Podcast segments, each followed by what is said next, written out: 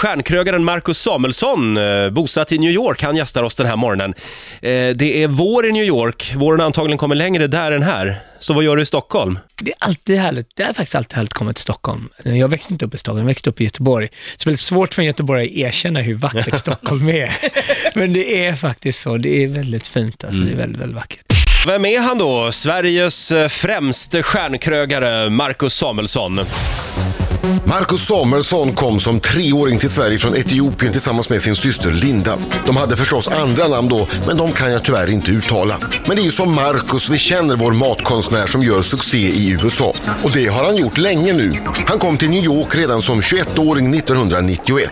Det började med akvavit och nu har Marcus hyllade restauranger lite varstans i USA. Och han har utsetts till New Yorks bäste kock. Men Marcus framgångar har också uppmärksammats här hemma. Han är professor på restauranghögskolan i Umeå och ligger bakom en rad restauranger i Stockholm och Göteborg. Han har gett ut flera kokböcker både här och i USA och naturligtvis fått pris för dem. Men han har också fixat käk åt presidentparet Obama och dyker upp i amerikansk tv stup i kvarten. Yes, we can. Antingen tävlar han, är domare eller som är inner chef leder programmet själv. Men Marcus, när hinner du laga mat? Ja, Marcus, när hinner du laga mat? Det blir fortfarande faktiskt varje dag. Nå, nå, någonstans, var det, oftast är det faktiskt i, i Harlem, på Red Rooster, på min restaurang Red Rooster. Eh, Kan alla lära sig laga mat? Eller finns det Nej. hopplösa fall? Nej, jag, det, det, är absolut, jag tror man, för mig ligger maten väldigt mycket i själen. Alltså det, det, är, det är väldigt, eh, det är en härlig blandning liksom eh, mellan ett, ett ämbete och ett yrke där man verkligen arbetar med händerna, men också mycket, väldigt mycket själ. Maten är ju, alla människor äter och alla människor måste någon gång laga mat. Men sen för att få det till det så att det ska bli bättre eller intressantare, då, då, då, då handlar det, då måste man söka på ett annat sätt. Och det är inte för alla människor. Har, du- har du någon kontakt med svenska stjärnkrögare?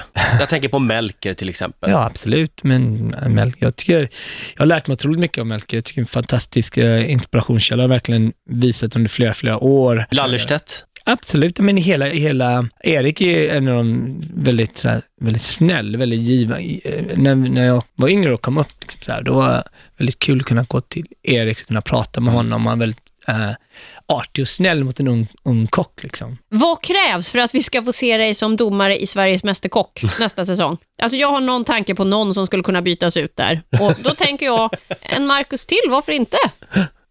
Ja, men det är kul att det, det är ett härligt program i alla fall. Ja, Det ser ut som att du inte riktigt vill svara på den här frågan.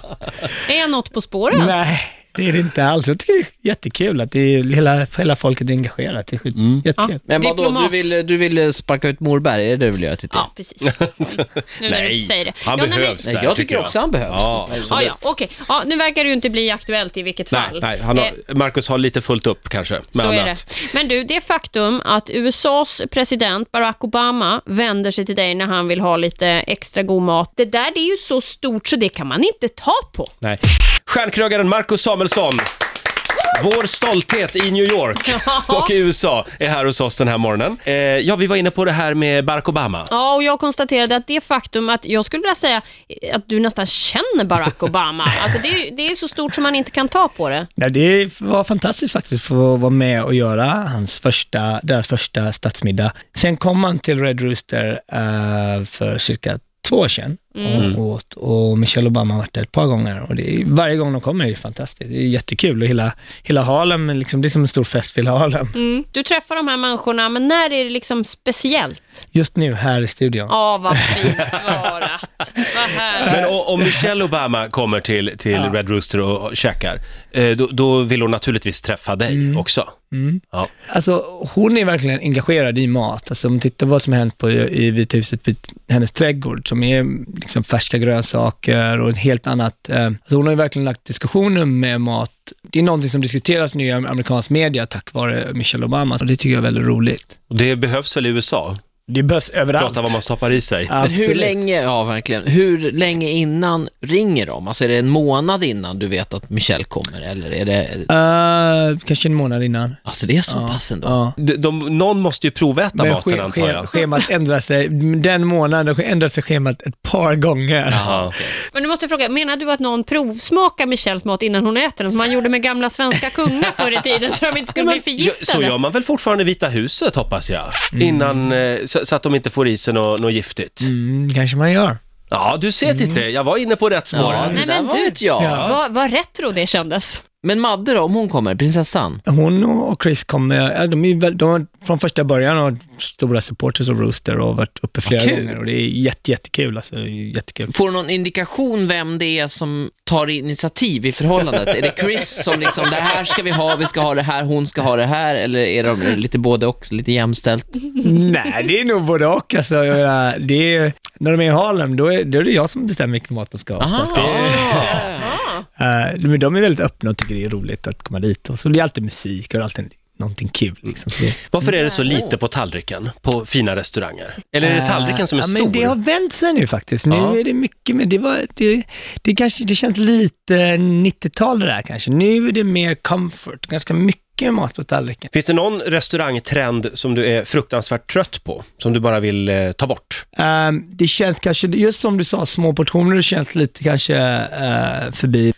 Sen undrar, sen eh, undrar min mamma och pappa eh, om planksteken någonsin kommer att komma tillbaka. Jo, men det, det, alltså de här planksteken ska tillbaka, för det tycker jag är en så härlig 70-80-talsrätt som man kan göra på ett jäkla kul sätt. Det just kommer, det. det kommer att bli trendigt igen alltså. Vad roligt. Kassler med ananas då?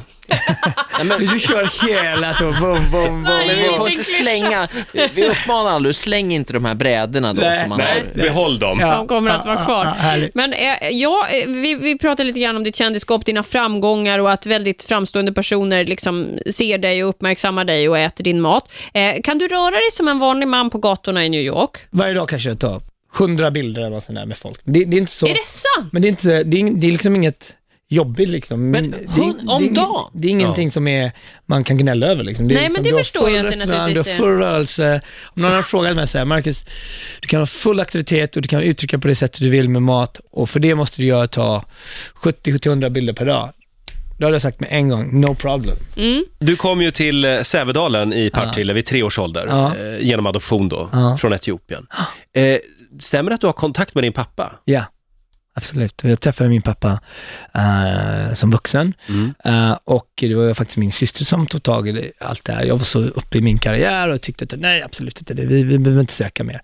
Men det var det bästa som kan hända faktiskt. Och eh, det knöt mig mm, så nära Etiopien på ett sätt som jag kanske aldrig hade varit annars. Men du, din pappa, vad din etiopiska pappa, vad tycker han om att du är kock? Du säger själv att han lagar ingen mat. Nej. Och där kommer du. jag är kock. Jättekonstigt eh, var det. Eh, och för att det han, han, han bor på landsbygden och där lagar kvinnorna mat. Och eh, det var nog så långt borta från vad han skulle tro att man kunde göra som möjligt. Men det, det är också intressant, liksom, man får visa, så här lever vi och så här har vi det och så här, liksom, det, det är ge och ta på båda sidor. Mm. Liksom. Tycker han om din mat?